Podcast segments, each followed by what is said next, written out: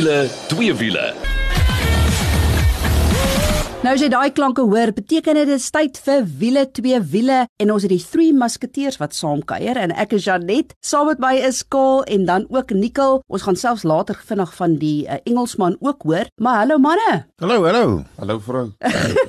Nee. Hoorie, waar daar kan jy uitsien? 20 jaar van Porsche Cayenne. Ek was by die viering van die 20 jaar van Cayenne, so ons gaan bietjie daaroor gesels en dan het ons nou weer 'n lekker padtoets gehad en ek was by die bekendstelling gewees. Manne, julle het ook nou tyd met die voertuig spandeer. Waar gesels ons? Ja, ons het die voorreg gehad om so 'n bietjie te ry met Jeep se splinter nuwe Grand Cherokee spesifiek die L en ek moet net sê Hy het nou skielik 3 rye sitplekke en dis die eerste vir hulle na oor die 80 jaar. Nee, en dit is hoorie, daai L is definitief 'n large and luxury. En dan vir ons tweede helfte het Nicole 'n wenk vir ons en hy vra eintlik 'n vraag. Hoekom lyk al die moderne voertuie deesdae dieselfde? En dan Clinton Pinaar van KTM Parel kuier weer saam met ons en hoorie, daar's 'n klomp op windende nuus vir die nuwe jaar. Maar kom ons spring weg. Julle Porsche Cayenne 20 jaar. So ons praat van 2002 die eerste Cayenne uitgekom. En dit is nou 20 jaar later en wat 'n 20 jaar geskiedenis het die Cayenne. Ek bedoel, Nicole? Ja, Janet, kom ons sit maar eers gou die olifant, ons spreek gou die olifant in die kamer aan. Die eerste keer toe Cayenne bekend gestel is, het ons almal gedink,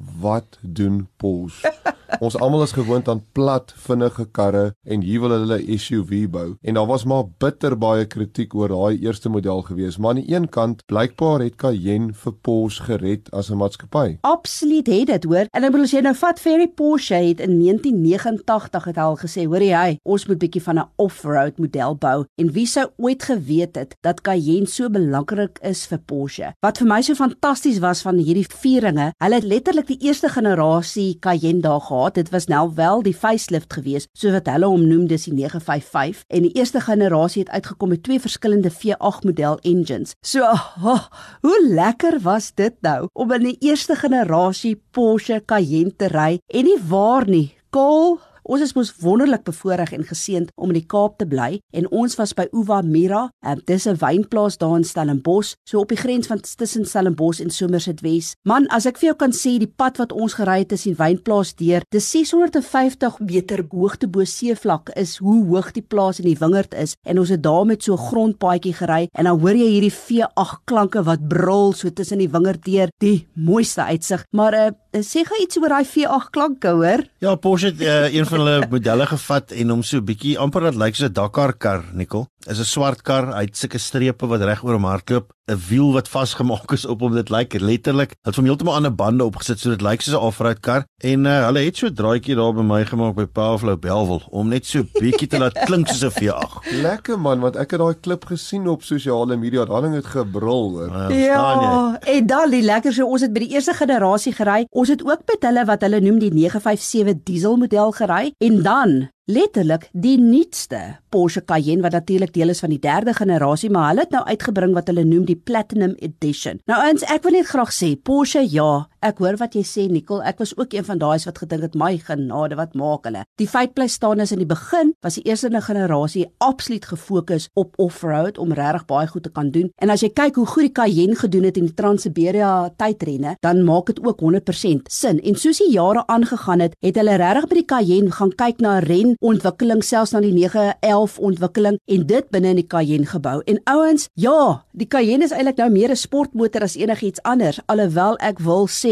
hy kan nog steeds off-road ook. Ek wil net noem dat toe hulle gesê het hulle gaan dit uitbring, het ek gedink is die regte ding om te doen. Is dit? Is dit? Miskien uit 'n besigheidsoogpunt nie, maar definitief vir my om in die kar in te pas. Want op 'n plat Porsche vir my in te klim is wel 'n storie, hoor, ek moet vir jou sê. Maar ja, Janet, hulle het hulle het hierdie lekker engines wat in die voertuig uitkom, soos jy wel sê. Daar's vir my min goed so lekker nikkel, soos 'n groot kar wat kan vinnig loop nie. Dit is vir ongelooflik daai, jy weet as jy jou voet trap en hy druk jou so vas, dis is dis net iets fenomenaals. Ja, Kol, ek hoor wat jy sê. Ek is maar een van plat wees as ek vinnig wil gaan, maar ek het self al 'n bietjie stout op 'n autobaan gery een van die nuutste Cayenne. Dit was 'n uh, Cayenne Turbo S dink ek, maar was die hybrid model. Dis Ah. die heel vinnigste een. En uh, ek dink die metertjie het so hier na 280 se kant toe vinnig vinnig gegaan toe dog ek okay vir 'n groot bus is dit nou nogals redelik. Nou maar dit is nou reeds dis reeds die ding. Hierdie einste Porsche Cayenne het baie gedoen wanneer dit by elektrifisering kom en daai ontwikkeling ook kom. So hulle het eers gehad die gewone hibriede voertuig, toe die plug-in hybrid, maar daai einste een waarvan jy praat, ja, is die Turbo SE hybrid. Dis 'n V8. Jy kyk na 500 kW,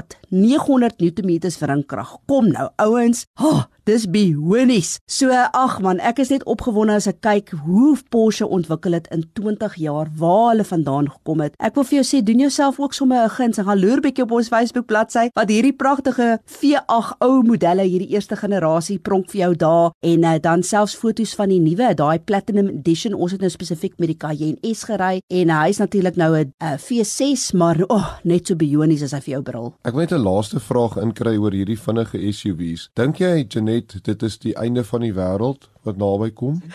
Of dink jy dat Porsche soveel druk met hulle Cayenne opgesit dat Ferrari nou ook so waar 'n SUV gaan uitbring? Hulle bring hulle noem hom die Purusang of so iets is sy naam. Maar antwoord gee vir my daai vraag asseblief. Nee, dis nogal, dit is nogal uh interessant. Al wat ek net vir jou kan sê, as ek kyk dat hierdie ekskuus Nikkel fokus gou op wat ek nou sê, dat die Porsche Cayenne al 'n rondetyd gedoen het om die Nürburgring, dan wil ek vir jou sê nee. Ek dink dit is die begin van 'n nuwe era waar sportnutse vir plat sportmotors gaan ore aan sit. Ek dink nie so nie Janet, maar ja, ons los dit daar.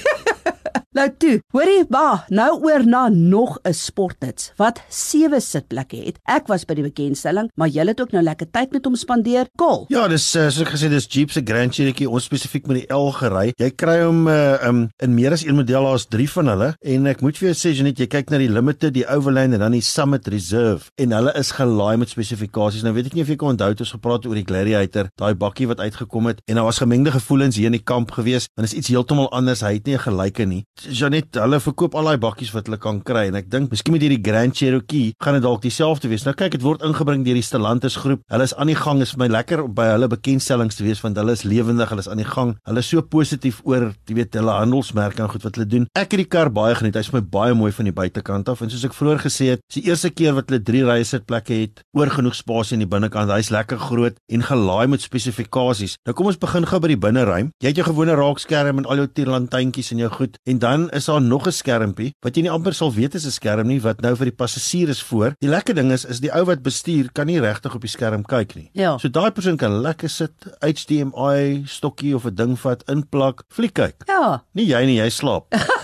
Fliek kyk terwyl uh, daar gery word. Baie gemaklike kar. Nikkel, ek weet daar was een of twee goedjies wat jy uitgewys het in die binneruim wat jy gevoel het hulle kon miskien maar met leer oorgetrek het. Ja, kyk, ek het die kar ook geniet soos op die langpad is hy nou gemaklik en so aan, maar daar's 'n paar goed wat my gepla het. Daar's 'n paar um, items wat jy raak in die binneruim, byvoorbeeld soos waar jy flikkers aan en afskakel wat regtig baie plastiekerig voel. Maar die groot ding wat my gepla het met hierdie kar is daai engine wat nog Noag se ark nog aangedryf het. Dis daai 3.6 liter naturally aspirated. Ja, 210 kW, 344 Newtonmeters. Maar in vandag se tye soek ons of dan nou 'n turbo petrol of 'n turbo diesel of 'n hybrid. Ehm um, ja, ek weet hierdie gaan ons seker vir ewig hou, maar is al maar 'n ou engine hoor. Ja, maar ek doen nog die ding vir my. Ek het ook dit baie geniet en veral die werksverrigting en ek was eintlik verbaas op die outene wat 'n goeie brandstofverbruik mens kan kry uit daai engine uit. Ja, want ek dink ons het op die outene so 11 liter per 100 gekry wat vir my glad nie te versmaai is nie. Voor julle nou verder sê wat julle dink. Kom ons gaan hoor net gou-gou by die Engelsman, Mike McDouling. Wat het hy gedink van hierdie Jeep Grand Cherokee L?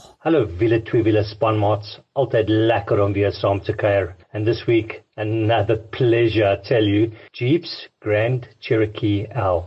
Now, I'm not going to talk about all the stuff about this Jeep, but I can tell you one thing that L stands for lekker, longer, limousine and luxury. It's one of the first seven seaters that I've seen, apart from Nicole and Carl getting in the back, that I could get back into the third row of seats. What an incredible achievement. And there's still space for our cooler boxes. So very cool for South Africans. I tell you. And what a, what a drive, eh? That 3.6 motor, tried, tested, it's bulletproof, and it, that thing will go anywhere. What a luxury vehicle to have with a big family. It just opens the doors for so much adventure. And I tell you, Jeep this year has brought us very special projects, and I'm so proud to be a part of them. Ja, as jy net natuurlik as jy al daai luxury en goed wil hê en ek bedoel dit is 'n mooi kar van buite af ook, dan gaan jy betaal daarvoor. Die interim model kyk jy nou so 1.3 miljoen en hy hardloop al die pad op na so amper 1.7 miljoen rand. Dis maar lyk like dit my deesdae is dit nie meer snaaks om te sê 'n kar kos oor 'n miljoen rand nie. So jy het baie keuse. Jy het vroeër gepraat van die Cayenne. Dis nog 'n kar waarna jy kan kyk as jy kyk na daai tipe ja, prysklas. Ja, van daai einste Platinum Edition. Dis ook 1.8 en op. So daar is baie baie kompetisie, maar ehm um, sterkte vir Jeep en uh hopelik is die volgende 80 jaar net so rooskleurig. Absoluut. Ons sien uit om te sien wat hulle nog vir ons gaan bring. Maar dit is al vir die eerste helfte van wiele twee wiele. Jy moet ingeskakel bly. Die tweede helfte vra ons reeds die vraag hoekom lyk voertuie deesdae almal dieselfde en al die twee wiele nuus en wat op pad is vir 2023. Ons is nou weer terug. As jy 'n vlekvrye staal uitlaatstelsel soek of jy nou jou kar wil laat purr soos 'n klein katjie of laat blaf soos 'n Rottweiler, moet jy definitief 'n draai gaan maak by Powerflow Belwel. Hulle kyk na alles wat jy nodig het wanneer dit by jou uitlaatstelsel kom en jy kry boonop 'n 5 jaar waarborg ook. 'n Nuwe stelsel sal self vir jou beter werkverrigting gee. Besoek powerflowbelwel.co.za of Powerflow Exhaust Belwel op Facebook. Powerflow Belwel, jou nommer 1 vir vlekvrye staal uitlaatstelsels. Name As jy nou net ingeskakel het, dit is wiele twee wiele saam met the Three Musketeers. Ek is Janet saam met my Iskaal en ook Nikkel. Maar hoorie voor ons gaan hoor wat se wysheid Nikkel met ons wil deel. Kom ons gaan hoor gou wat se raad het Marianta Fraier van Getwo vir ons. Dit is tyd vir jou weeklikse motorwaarde wenk met die komplimente van Getworth. Met die stygings in gebruikte motorpryse sedert Covid is daar 'n goeie kans dat jou motor onderverseker is. My naam is Marianta Fraier, hoof van bemarking by Getworth. As jou motor gesteel of afgeskryf word, is jou versekeringsuitbetaling dalk nie voldoende om dit te vervang nie. Baie versekerings verseker volgens die motor se boekwaarde, maar in sommige gevalle is dit ver weg van die werklike markwaarde, veral vir motors met lae kilometers vir hulle ouderdom. Dit is dus die moeite werd om met jou versekeringsmaatskappy te bevestig wat die versekeringswaarde is en dit te vergelyk met die huidige markwaarde van jou motor. Dit is jou weeklikse motorwaarde wenk met die komplimente van Getworth. En nou is dit tyd vir ons wenk van die week, Nikkel. Jy het 'n vraag. Ek het 'n vraag vir die paneel wat hier voor my sit. Hoekom lyk alle moderne karre so dieselfde? Veral as ons kyk na die SUVs. Kaal, ek dink as jy sê maar 10 langs mekaar trek, jy haal die badges af. Die gewone publiek gaan nie vir jou sê wat sien is wat sien nie. Ek het nou so 'n paar jaar terug in kaarttydskrif het julle 'n bladsy gevat toe jy nog by hulle was en hierdie silhouette gewys van die karre en dit was onmoontlik om te sê watter voertuig is watter voertuig. Nou Nikkel, ek weet jy daar's seker 'n klomp goed en 'n klomp teorieë, maar ek dink daar's wel 'n sagte ware ding wat miskien ehm um, so 'n bietjie van 'n rol speel. Ja, dit kan wees skaal, uh, die natuurlike ontwerpproses, maar as jy terugdink aan die 60s, wat 'n fantastiese era van karontwerp. Kyk na daai Jaguar E-Type, kyk na byvoorbeeld 'n Mustang, twee heeltemal verskillende karre wat in dieselfde era uitgekom het. Vandag lyk alles dieselfde. So kom ons begin gou vinnig. So vandag moet die mense ontwerp van die binnekant af uit. In die ou dae was dit van die buitekant af in. So jy sal vind in die klassieke karre baie keer pas ons nie in nie want dit is te klein in die binnekant. So vandag sê hulle okay, maar daar moet ruimte in die binnekant wees en hulle weet in watter segment die kar gaan pas en dis miskien waar jy ook van praat jou ontwerp sagte ware kol. So die stuk wat oorbly dan wat jy eintlik kan installeer is eintlik relatief baie min of baie dun as jy so daaraan dink. Dan het ons sit ons met homologasie standaarde. In Engels noem hulle dit ook type approval. Om 'n kar te kan verkoop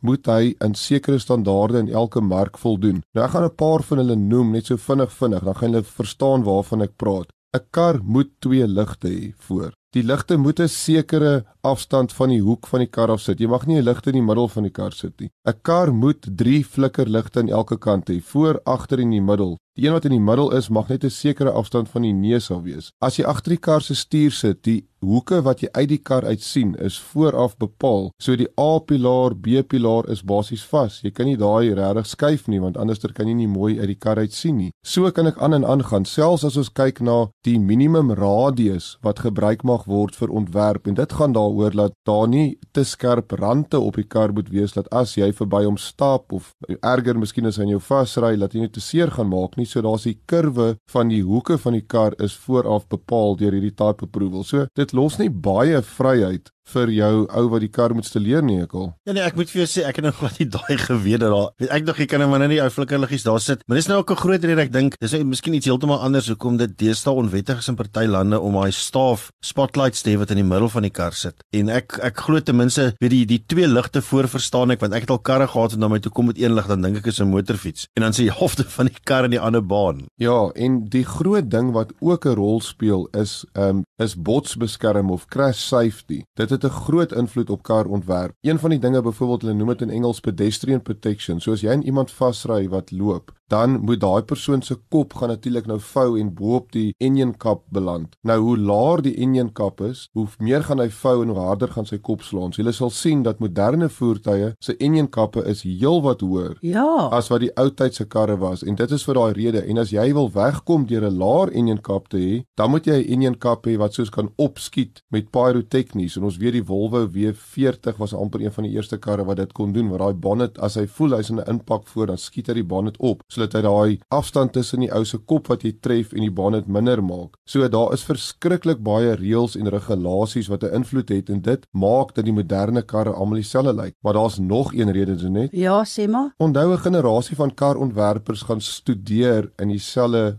plekke. Onthou daar's Parys, daar's Italië. natuurlijk. Hulle is almal klasmaats, hulle kyk by mekaar se werk en dan op die ouend word hulle almal dan nou aangestel. Een is by BMW, een is by Mercedes, een is by in sê net maar Fiat of Ferrari of Porsche en hulle weet wat die ander ouens gedoen het. En dis dieselfde generasie ontwerp dan baie dieselfde. En dan is daar natuurlik ook nou trends of die wat is gewild op daai stadium, dit het 'n invloed. En laastens sal ek net sê, natuurlik is daar party ouens wat net blaatant kopie. Kyk wat die ander ou doen, doen dieselfde. Wel, ek wil dan vir jou sê as jy dan 'n voertuig het wat uitstaan en heeltemal anders lyk, wel gedaan, want dan het jy iets reg gekry. Maar hoorie, nou is dit eers tyd vir twee wiele en Clinton Pinaar gaan weer by ons aansluit want ek sê vir jou, daar's 'n klomp nuus in die wêreld van motorfietsse, veral vir die nuwe jaar. So hallo Clinton, lekker dat jy weer saam met ons kan kuier. Hallo julle. Ja, dit is nou lekker om weer hier met julle te wees. Nou Clinton, mens kan nie glo die einde van die jaar wink vir ons nie, maar daar's opwindende twee wiele nuus vir die nuwe jaar. Vertel.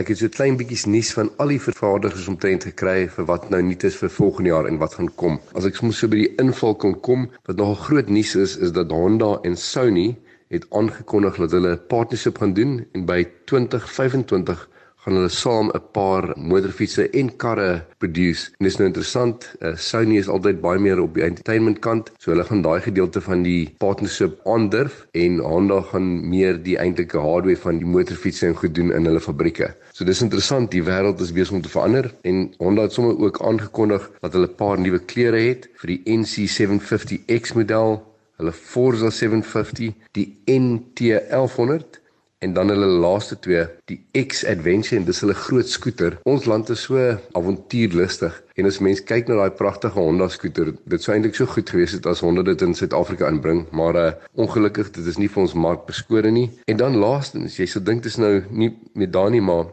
Honda maak nog steeds 'n klein monkey bike, maar kyk hoe pragtig is hierdie klein monkey bike en ja, hy is beskikbaar oor see. Ons moet maar net hoop dat uh, Honda Suid-Afrika hom gaan inbring. En die laaste ding, die Goldwing Hulle kry nou 'n update wat Honda nou groot nuus maak, maar meeste van die groot avontuurfietsse het dit nou al reeds en selfs hulle Honda fiets het dit, maar met hulle Goldwing kom hulle dit nou standaard uit met tire pressure monitor systems voor en agter. Nou klink dit daar's nuus by KTM ook en mense sien oral op sosiale media van die nuwe KTM 890 Adventure. Vertel ons 'n bietjie. Man ja, ons is nogal opgewonde om te praat daarvan. Die 890R het nou 'n uh, bietjie van 'n update gekry. Daar's nog net foto's beskikbaar, so ek neem aan die fiets gaan eers vroeg in volgende jaar beskikbaar wees. Ons gaan aanneem dat dit 'n paar persentasie duurder gaan wees, maar die groot verandering is die neus lyk heeltemal anders.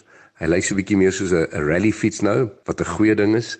En uh die suspensie is opgegradeer en elektroniese goed en selfs die dash, die dash is nou vir ons groter en meer sigbaar vir alles mense nou klein bietjie ouer is. Maar een van die mees interessantste goed is en mense spot nou amper dat KTM weet nou om die laaste R10 uit jou sak uit te kry. Die fiets kom met 'n demo, ehm um, so al die elektroniese goed is ingebou, die quickshifter, die die speeder cruise en al die goed staan ingebou in die fiets, maar uh jy kan nou kies wanneer jy die fiets koop, dan kan jy nou besluit wanneer jy dit wil laat gebeur, maar dan vir 30 dae kan jy die demo mode aansit, dan werk jou quickshifter en dan werk jou jou speeder cruise en dan na 30 dae dan gaan dit afgaan. En uh, ek belowe jou as jy dit nou ervaar het op jou fiets, gaan jy definitief teruggaan na die handelaar toe en sê asseblief maak dit maar los want uh, jy's nou gewoond met jou te ry daarmee. En as mense nou weer vra, ek sien MV en Noord-Amerika met uh, KTM, hulle het hulle in 'n partnership ingegaan waar hulle maar dit is slegs vir Noord-Amerika, gaan KTM winkels nou van die MV fietsse distribute. Ek weet nie of dit in die toekoms hier by ons gaan kom nie, maar uh,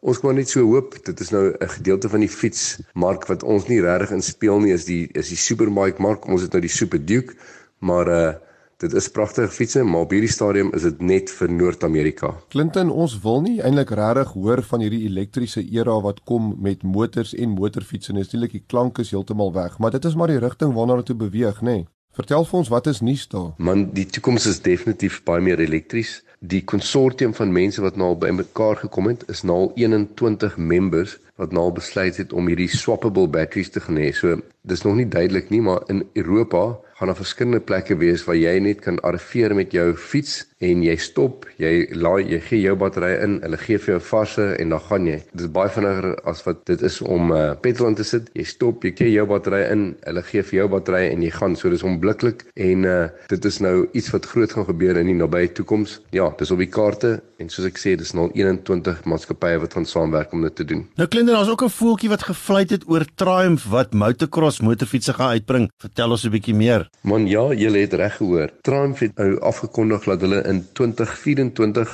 gaan deelneem in die wêreldkampioenskappe van MX motocross. Dis nie eens om te sê jy gaan nou net 'n bergfiets want jy weet hulle doen al reeds avontuurfietsse. So dis heeltemal 'n wegbreek van hulle normale goed. So hulle spring in die motocross. Hulle gaan teenstanders wees teen KTM en Gas Gas en Husqvarna en Honda en dit so. Dis nog interessant en hulle gaan binne die volgende paar maande al die eerste van daai fietsse beginne bekendstel. So dis baie interessant. Hulle gaan 'n heeltemal nuwe rigting in. Clinton, jy het verlede week daarna verwys en hoe mens vir min geld kan betrokke raak by Van Deerhuis. Hoorie asseblief, vertel net vir ons bietjie meer daaroor. Man ja, ek het laas keer vir julle gesê dat vir so min as R20000 kan jy eintlik 'n fietsie koop en jy kan saam met die mense gaan pret hê en dit is regtig so. 'n Mens kan na enige motorfietswinkel toe gaan, op as net wat jy koop. Ek sou nie heeltemal 'n stikkende ding koop nie, maar as jy met die motorfietswinkel 'n verhouding het, Jy kan vir met hulle praat oor 'n klein CC fietsie en jy kan gaan deelneem. En en wat 'n van deure regtig is is boere kom by mekaar waar hulle land aan mekaar is en hulle hulle het nou definitief van die mooiste paadjies wat deur hulle mooiste uh, bosse en landerye gaan. En uh,